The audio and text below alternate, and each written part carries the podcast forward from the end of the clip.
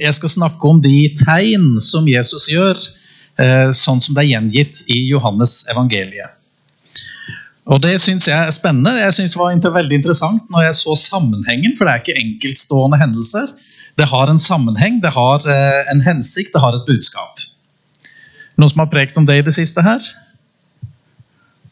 Nei. I tilfelle så preker de sikkert annerledes enn jeg gjør. Eh, vi har vår personlighet alle sammen. Eh, først så skal jeg si litt om mirakler i Bibelen, i Det nye testamentet. Eh, for Det nye testamentet bruker tre forskjellige ord for mirakler. Det er dynamis, som er kraft. Det står om kraftgjerninger. ikke sant? Det er brukt 38 ganger i Det nye testamentet, aldri i Johannes evangeliet. Ord nummer to det er teras. Eh, som er brukt 15 ganger i Det nye testamentet, eh, og bare én gang hos Johannes. For det ordet som Johannes bruker, det er eh, semeion, som betyr tegn. Eller som vi oversetter med tegn. Og Et sted i Bibelen så brukes alle de her tre ordene i ett og samme vers. Det har jeg ikke tenkt å lese, for det har ikke noe med sammenhengen å gjøre. Og det er i Hebreerbrevet 2,4. Poenget det er at et tegn er ikke noe som står alene. Det peker mot noe. Det har en hensikt. Eh, det forteller oss noe. F.eks. Når, når du kjører langs veien, så, så, står det veiskilt. Det er et tegn. Og når det står Vigeland på et skilt, så kan det hende du syns det var fantastisk skilt. Ikke sant? Gult og fint. Og så står det en pil, og så står det Vigeland. Flott skilt. Det er jo ikke poenget. Poenget er at det peker Sånn at det skal lede deg i retning av Vigeland, ikke sant? sånn at du kommer fram. Og Sånn er det med de tegn som vi ser i Bibelen også. Det, er, eh, det peker mot noe. Det har et annet budskap også. Ikke bare eh, tegnet i seg selv, men det vitner om noe. Og Hvis vi bare leser eh, tegnet og, ser på, det mirakel eller tegn som Jesus har gjort, og, og syns at det er salig, så, så, står vi der og beundrer altså det tegnet. Og får ikke med oss hva som var hensikten med det som, som Jesus gjør. Eh, og da, det første tegnet som Jesus gjør, det er det som, eh, som eh, Kjell innleda med i eh, Johannes 2. Og Hvis dere har Bibelen med, så kan dere ha fingeren i Johannes hele tida. For da er det jo bryllup. Og eh, vi ser jo det at eh, Jesus hjelper et eh, ungt par ut av en vanskelig knipe. Og så kan vi lese da fra vers 1 og utover. På den tredje dagen var det bryllup i Kana i Galilea. Og Jesu mor var der. Er det noen som har vært i Kana? Ja? Ikke i bryllup, gå ut fra? Eh, også Jesus og disiplene hans var innbytt til bryllupet. Da vinen tok slutt, sa Jesu mor til ham, de har ikke mer vin. Jesus sa til henne, kvinne, hva har du med mitt å gjøre, min time er ennå ikke kommet. Hans mor sa til tjenerne, uansett hva han ber dere om, skal dere gjøre det. Eh, nå fantes det seks vannkar av stein der, i samsvar med jødenes renselsesskikk. De kunne ta mellom to og tre anker hver. Og Jesus sa til dem, fyll vannkarene med vann, og eh, fyll dem helt til randen. Han sa til dem, øs nå opp og bær, bær dem til hovedme hovmesteren. Og de bar dem dit. Da hovmesteren hadde smakt på vannet, som var blitt til vin, kalte han på brudgommen. Hovmesteren visste ikke hvor vinen kom fra, men tjeneren som hadde øst opp vannet, visste det. Han sa til ham, alle setter fram den gode vinen først, og så den dårlige når gjestene er blitt beruset. Du har gjemt den gode vinen til nå. Dette første av sine tegn gjorde Jesus i Kana i Galilea, og han åpenbarte sin herlighet. Og disiplene hans trodde på ham. Dette var jo selvfølgelig katastrofe. altså Vi ville jo synes det var pinlig også i dag hvis ikke vi hadde nok av noe i et bryllup. Hvis det ikke var nok mat eller ikke var nok, ikke sant? og at gjestene ikke fikk det de hadde forventa å få, så ville det vært pinlig. Men her er det en katastrofe i en litt annen kultur og en litt annen sammenheng. Det er mye verre, selv om vi ville oppleve det fryktelig pinlig, vi også, om ikke det var nok av noe. Men så kommer Jesus og løser den eh, situasjonen. og, og alt blir greit. ikke sant? Det er tegnet. Men det har et budskap til oss. Eh, det er noe mer her enn bare at Jesus hjelper noen ut av en knipe. Og hva er det dette tegnet da peker mot? Først så skal vi vite, han var vel inne på det, Kjell også, at eh, selv om Bibelen advarer mot farene ved å, ved å, drikke vin, så brukes vin som et bilde på det som gir liv og legedom. Eh, Bibelen bruker bildet på den måten. Og da er det sånn, Jeg er avholdsmann, og jeg har ikke tenkt å la preken handle om det. Men en av grunnene er det som står i Romerbrevet 14, vers 21. Det er godt å la være å spise kjøtt, drikke vin eller gjøre noe annet som får din bror til å snuble eller ta anstøt eller bli svak. Så det syns jeg er et veldig greit bibelvers, og det er ikke noe problem for meg å holde meg unna alkohol. Så derfor er jeg avholdsmann. Men eh, i Det nye testamentet, eller i Bibelen generelt, så brukes altså vin som et bilde på det som gir liv, og det som gir legedom. Og Vi har sikkert også lest om Timoteus, som, som blir bedt om å drikke litt vin for sin mages skyld. Det ble brukt som medisin fordi vannet ofte var dårlig, av dårlig kvalitet. Og så brukte en vin som medisin uh, for sin mage. og Det gjør bl.a. Timoteus. Men så sto det i vers 6 det fantes, Nå fantes det seks vannkar av stein der, i samsvar med jødenes renselsesskikk. De kunne ta mellom to og tre anker hver.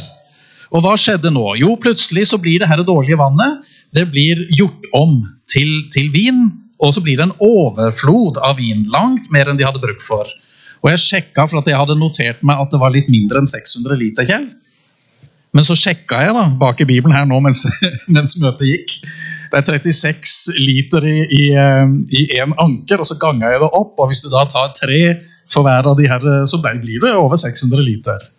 Det gjør det. Så du hadde rett, og jeg hadde feil.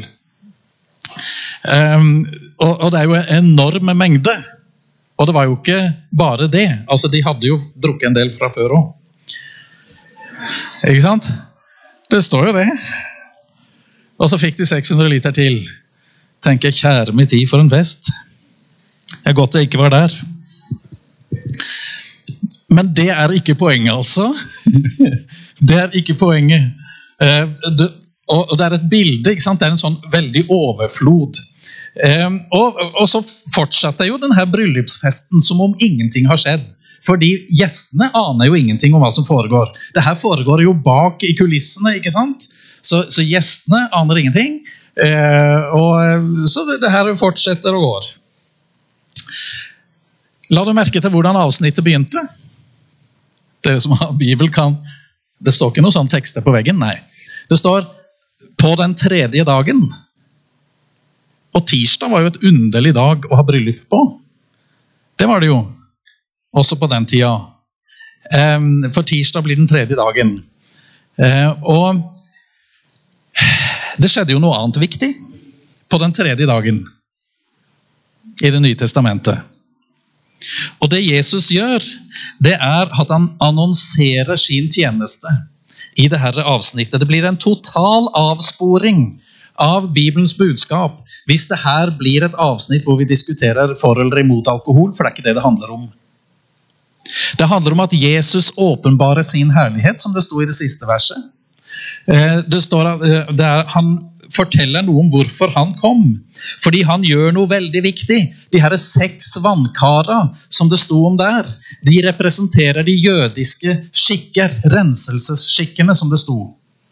Og de her religiøse reglene og religiøse bud og paragrafer kan ikke hjelpe en eneste sjel. Det kunne ikke hjelpe noen i det bryllupet, de her vannkara. Men Jesus kunne. Jesus kunne hjelpe.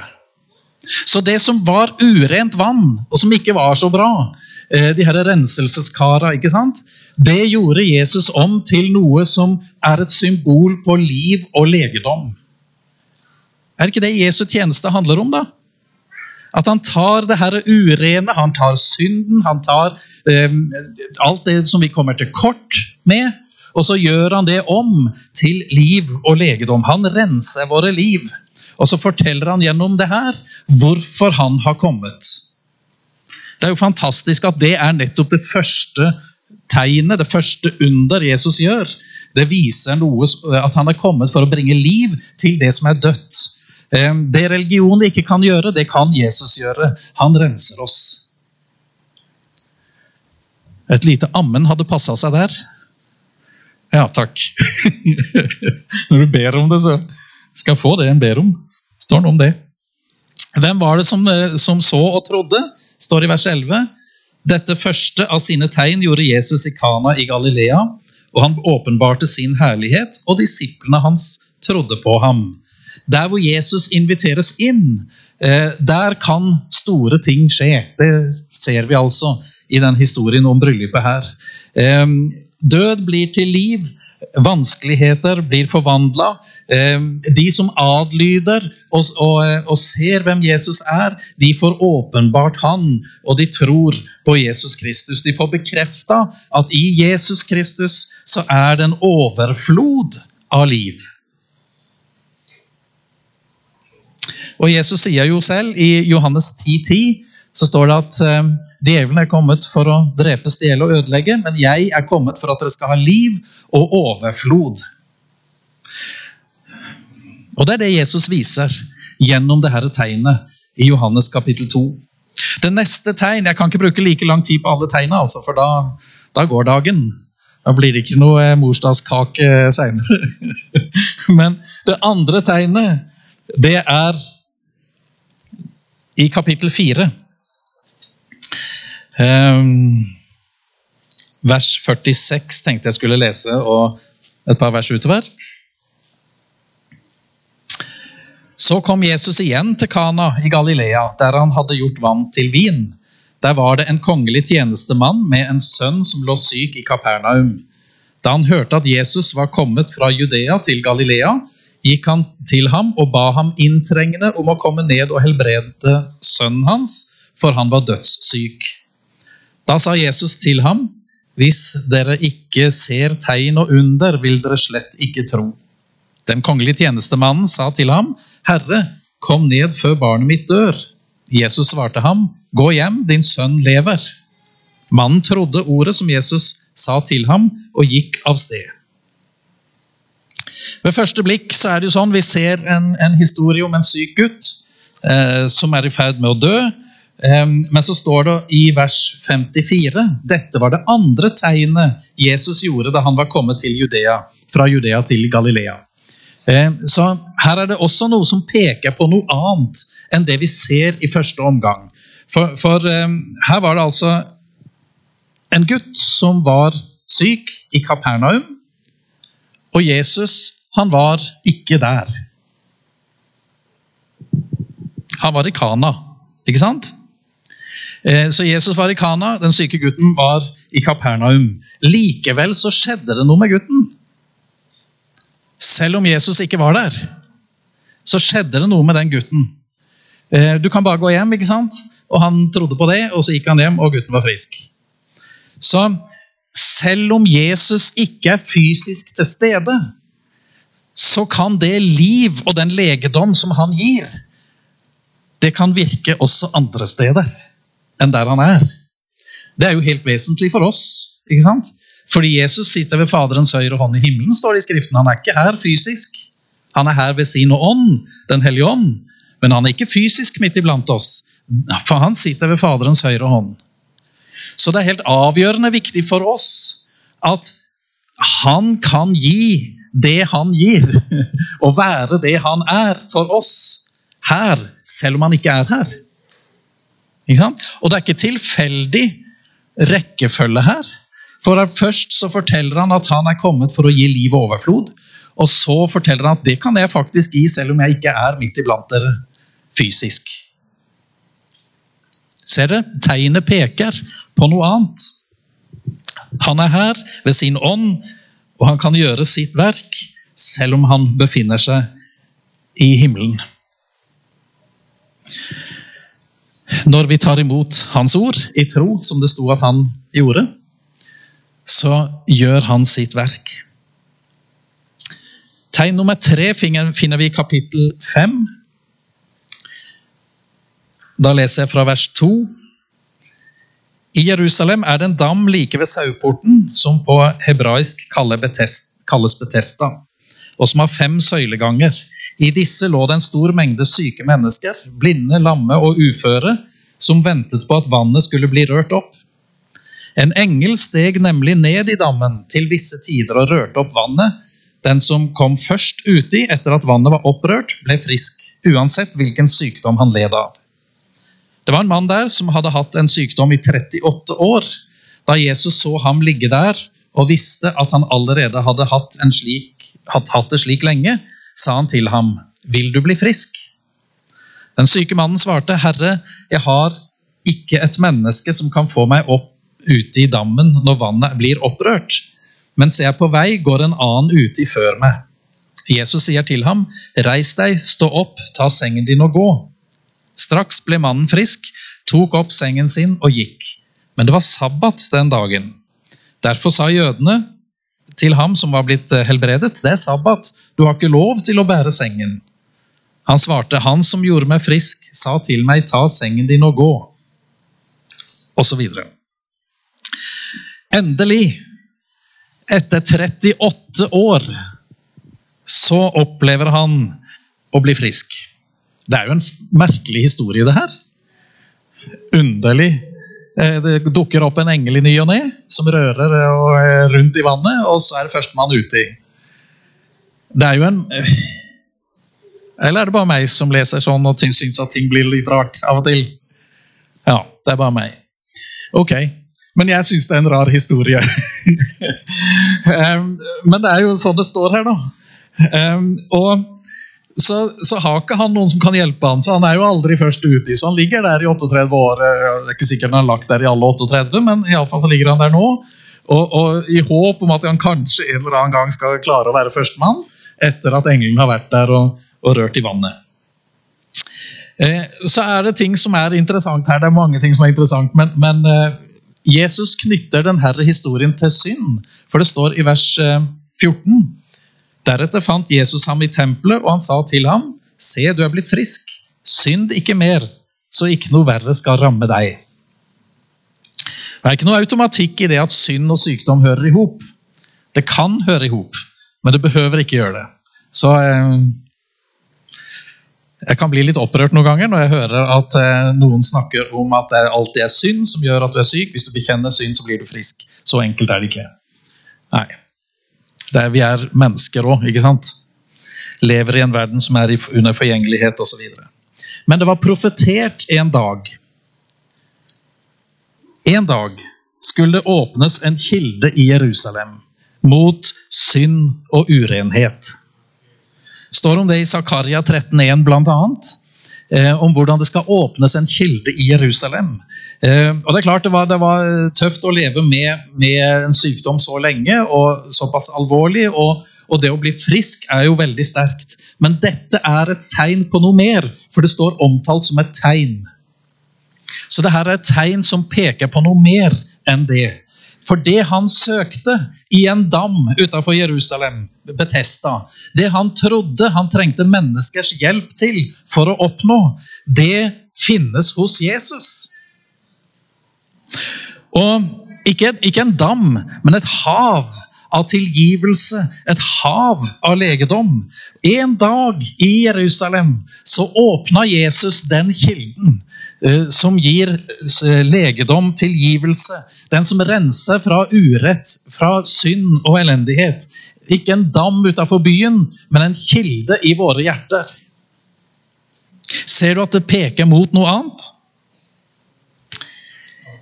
I Jesaja 58, 11, så står det Det er, noen eh, sånne vers som, eh, som, de har satt melodi til, og som jeg har lært meg utenat fordi at jeg kan melodien. Og så Jeg var litt frista til å synge, men jeg tror jeg skal eh, tror jeg skal ta, ta, ta, og lese den. Det er litt annen oversettelse nå enn den jeg har lært òg. Herren skal alltid lede deg. På tørre stier skal han mette din sjel og styrke dine bein.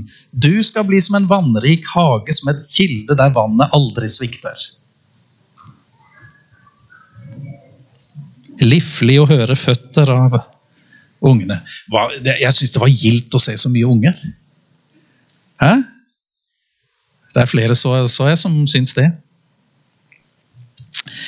Dammen som ga legedom, er et bilde på den kilden som vi kan ha i våre hjerter. Det er ingenting som er tilfeldig i Guds ord. Eh, og det er heller ikke tilfeldig at det her skjedde på sabbaten. For det sto det. Og det ble jo trøbbel. Hvis du gjør noe på sabbaten, så er det ikke så greit. Eh, så han fikk jo kjeft for at han gikk rundt og bar på den senga som Jesus sa han skulle bære på, når han sto opp og gikk. Ikke sant? Så får han Ja. Og jeg tror at noen ganger så trenger vi å få ruska litt tak i våre religiøse forestillinger og, og tanker. For også vi har våre ting som vi tenker og som osv. Og, og jeg tror at Jesus av og til kan eh, riste oss litt også. Eh, sånn at vi òg tenker litt annerledes enn vi noen gang gjør. Det var jo underlig at ikke folket kunne glede seg sammen med han som hadde vært sjuk i 38 år. Ikke sant? Det var jo en, en religiøs kortslutning. Og kanskje har vi også noen sånne av og til. At vi trenger å bli rista litt fordi at vi, vi, ikke helt ser sammenhenger. Så det gjør ikke noe, det, om man uh, tar, oss, tar oss et tak noen ganger. For tredje gang så gir Jesus oss et tegn for å fortelle hvem han er, og hva han gjør. Det fjerde tegnet det er kapittel seks. Dere følger med fortsatt? Går det bra? Kapittel 6 så metter Jesus 5000 eh, mannfolk pluss kvinner og barn. Så er han 15 000-20 000 mennesker med fem brød og to fisk. Det er jo ikke mulig, det heller, men uh, han gjorde det likevel. Det er veldig bra at vi har en Gud som gjør det som ikke er mulig. Hadde han bare gjort det som var mulig, så kunne vi ha gjort det selv. Men han gjør det som er umulig for oss. Så er Det jo sånn at det er jo fint med servering. Vi, vi kan jo like det. Eh, servering får de etter møtet. Kirkekaffe, eller hva det var for noe. Eh, de spiste seg gode og mette, iallfall. Eh, og, men det er jo ikke det det handler om her heller. For det står beskrevet som et tegn. Så det, ja, det er, en, det er noe som skjer, ja, men det peker mot noe annet.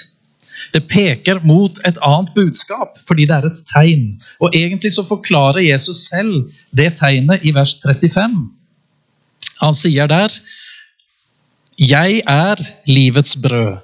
Den som kommer til meg, skal aldri sulte, og den som tror på meg, skal aldri noensinne tørste. For den folkemengden som fikk oppleve dette brødunderet, da, det var de som fulgte etter Jesus. For Jesus hadde gått over på den andre sida av Galileasjøen. Eh, og da fulgte en hel gjeng etter ham. Han fikk ikke gå i fred. Eh, så, de fulgte etter ham. Og det er de som fulgte etter Jesus den dagen, som fikk oppleve å bli metta av de brøda og fiskene. Og det er interessant. Den som følger etter Jesus, skal oppleve han som det livets brød som skal få, få metta sin åndelige hunger. Og igjen så er vi på det sporet som starta med bryllupet i Kana, om hvorfor Jesus kom. Hvorfor han kom for å møte oss, for å rense oss fra synd og urenhet. For å gi oss vårt åndelige behov, det vi trenger. Eh, um, en åndelig legedom og åndelig, en åndelig sult som han ønsker å mette. Og jeg syns det er interessant at det er overflod hele veien. Det var overflod av vin, det var overflod av brød. Tolv kurver til overs etter at alle de her folka hadde spist. Kjempebra. Og, så, om nåden så står det at det er nåde over nåde. Det er liksom rikelig hele tida. Og hvem trenger ikke det? Det femte tegnet det er i kapittel 6. Jeg skal lese fra vers 16. Vi var vel i kapittel 6 fra før òg. Eh, da kvelden kom, gikk disiplene hans ned til sjøen, gikk om bord i en båt og satte over sjøen mot Kapernaum. Det var allerede mørkt, og Jesus var ikke kommet til dem. Sjøen begynte å gå høyt fordi det var blåste en kraftig vind. Og Da de hadde rodd omkring 25 eller 30 stadier, så de Jesus komme gående på sjøen og nærme seg båten, og de ble redde.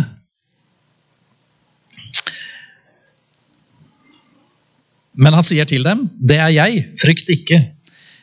Da ville de ta han om bord i båten, og straks var båten ved land der de skulle. Jeg går ut fra at de her eh, disiplene de, de eh, var ikke uvant med uvær. Eh, fiskere, de fleste av de, så de hadde vært borti uvær fra før. Eh, men så skjer det noe uvanlig her, da. For midt i denne stormen så kommer Jesus gående på vannet. Eh, og det er jo ikke helt vanlig. Iallfall ikke der jeg kommer fra. Eh, men jeg har prøvd. og det funka dårlig. Um, altså, og så har jeg en sønn som prøvde seg på Galileasjøen òg. Det funka dårlig der òg, så det er ikke noe spesielt med vannet der. altså. Men Jesus viser seg som herre over elementene. Over naturkreftene. For det er ikke mulig å gå på vannet. Altså, Du detter jo nedi, altså hvis ikke det er is. Så er det ikke mulig. For du detter jo nedi. Og Jesus viser på den måten at han er herre over elementene. At eh, det han vil, det gjør han, og det har han makt til å gjøre. Uansett eh, om det er storm og uvær, så er han der. Han kommer. Om han så må oppheve naturlovene for å gjøre det. Når det er storm og uvær i våre liv, så er han der. Det er ikke alltid det oppleves sånn, men han er der. Og han har makt til å gjøre noe med den stormen og det uværet som har ramma oss. Og hva er det som skjer når de inviterer Jesus inn i båten? Det er jo litt rart. Plutselig er det ved land, står det. Ikke sant? Så plutselig var de i trygghet. Plutselig var de kommet dit de skulle. Fordi Jesus var invitert inn. Og sånn, sånn er det jo. ikke sant? Dette er jo en åndelig nøkkel, en hemmelighet. At når vi inviterer Jesus inn, så er vi der vi skal være. Han inviterer oss, og så er vi ved land. Inntil den dagen vi er ved det landet som verken har noen stormer eller noe uvær eller noe sykdom eller noe plage eller noen ting. Inntil den dagen. Ser du hva det handler om? Det handler ikke bare om at Jesus gikk på vannet. Det er et tegn om noe langt mer. Det er bare to tegn igjen. Um, I kapittel 9 fra vers 1.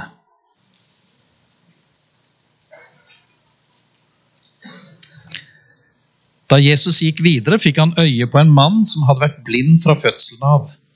Disiplene hans spurte ham, 'Rabbi, hvem har syndet, denne mannen eller hans foreldre, siden han ble født blind?' Jesus svarte, 'Verken mannen eller hans foreldre har syndet.' Men dette skjedde for at Guds gjerning skulle bli åpenbart på ham. Mens det ennå er dag, må jeg gjøre hans gjerninger, som har sendt meg. Natten kommer da ingen kan arbeide. Så lenge jeg er i verden, er jeg verdens lys. Da han hadde sagt dette, spyttet han på jorden og lagde en deig av spyttet. Han tok deigen og smurte på øynene til den blinde. Han sa til ham, 'Gå og vask deg i Siloadammen'. Siloa betyr utsendt. Mannen gikk og vasket seg og kom seende tilbake. Da sa naboene og de som tidligere hadde sett at han var blind, er ikke dette han som satt og tigget? Noen sa det er han, andre sa han ligner. Han sa selv det er jeg. Så da burde det være avklart.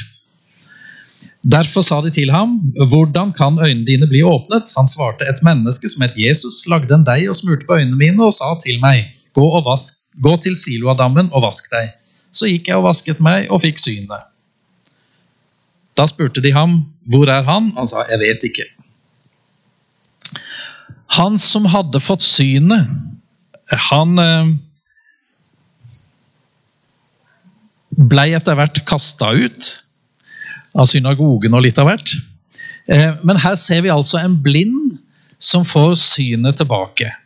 Men så ser vi en del scene i historien, og vi leser også videre, som egentlig er blinde. Fariseerne, som eh, da så fysisk De hadde syn, eh, var likevel blinde. Og de, de, så først og fremst ikke hvor stort det her var for den blinde å få synet tilbake. Det i seg selv er jo et under, og det er jo flott. Det er fint. Det er bra. Vi gleder oss for alle som opplever sånne ting. Eh, det er fantastisk, og vi har tro på at Gud kan gjøre det. Eh, men samtidig så var det en åndelig blindhet her i denne historien. Eh, og den ender med at de også fornekter Jesus som Guds sønn. Det står i vers 32-34. Helt fra tidenes begynnelse har det vært helt uhørt at noen åpnet øynene til en som var født blind.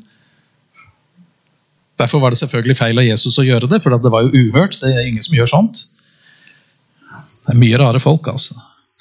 Hvis denne ikke var fra Gud, kunne han ikke gjøre noe slikt. De svarte ham, du er helt og fullt født i synder, og du vil belære oss, og de kasta han ut. Altså, det var en avvisning av hele Jesu verk. I utgangspunktet så var derfor alle blinde i denne historien. Det er utgangspunktet. Ehm, og blinde og i mørket før lyset kom, iallfall i én sjel. Før lyset kom til denne verden. Ehm, og lyset er jo nettopp kommet for å åpne blinde øyne. Lyset kom til denne verden for å gi syn til alle de som er åndelig blinde. Eh, og det, det, er jo ikke så lenge siden jul at vi husker noe av Johannes' beskrivelse av eh, juleevangeliet, kapittel 1, hvor det står i vers eh, ja, 9-12 Dette var det sanne lys som er kommet inn i verden, og som gir lys til hvert menneske. Han var i verden, verden ble til ved ham, og verden kjente ham ikke. Han kom til sine egne, og hans egne tok ikke imot ham. Men hver den som tok imot ham, dem ga han rett til å bli Guds barn, de som tror på hans navn. Han som hadde fått synet tilbake, han ble altså kasta ut av de åndelig blinde fordi de ikke fant seg i at han delte det vitnesbyrdet. Og det er sånn at eh, kristne som er frimodige og forteller om hvem de tror på, eh, kan møte motstand, kan møte forfølgelse. De aller fleste kristne i verden opplever forfølgelse. På Vigeland så er du ganske heldig, for det er ikke så veldig mye forfølgelse på Vigeland, men det kan være ubehag av og til. Det kan det være. Men det er ingen grunn til at vi skulle tie stille på Vigeland. For du blir ikke forfulgt. Ikke blir du skutt, ikke blir du hengt, ikke blir du fengsla. Så eh, gå ut fra det. Men det handler først og fremst ikke om at en blind mann får se. Det er så mye mer i den historien. Og det siste, og kanskje det største tegnet som vi leser om, det finner vi da i eh, neste kapittel.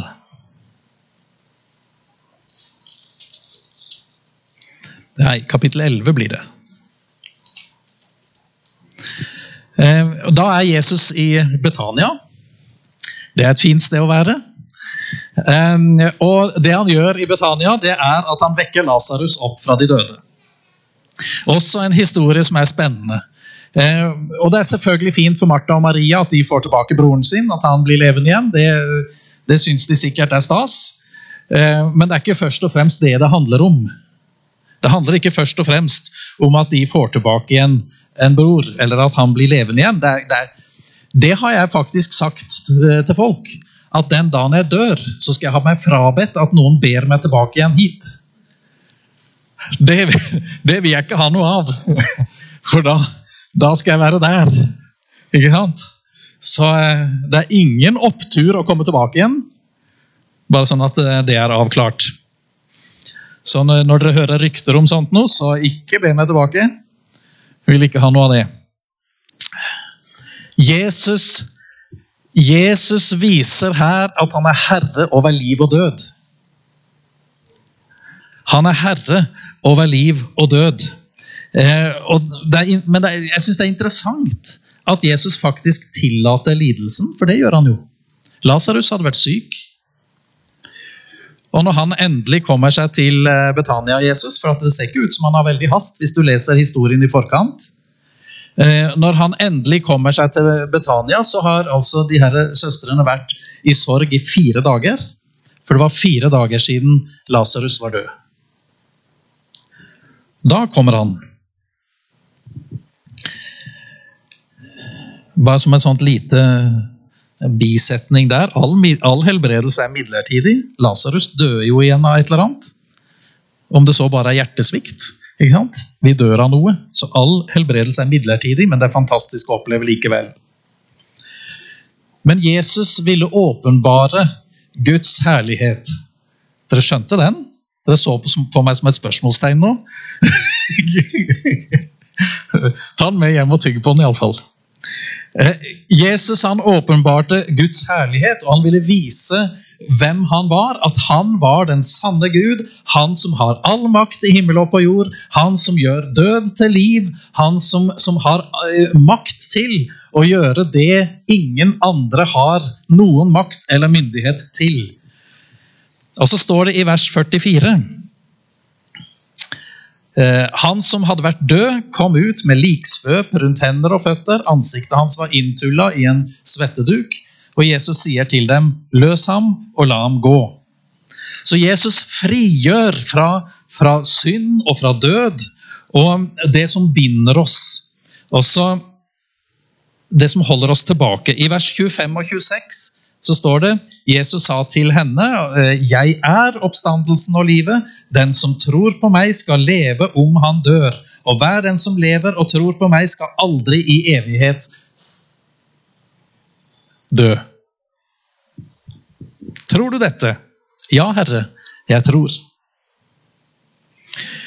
Jesus demonstrerer i Johannes evangeliet så ser vi hvordan Jesus gjennom de herre syv tegna demonstrerer det liv som vi har i Han. Demonstrerer sin tjeneste, hvorfor han kom. Eh, at døden har ingen makt over deg og meg.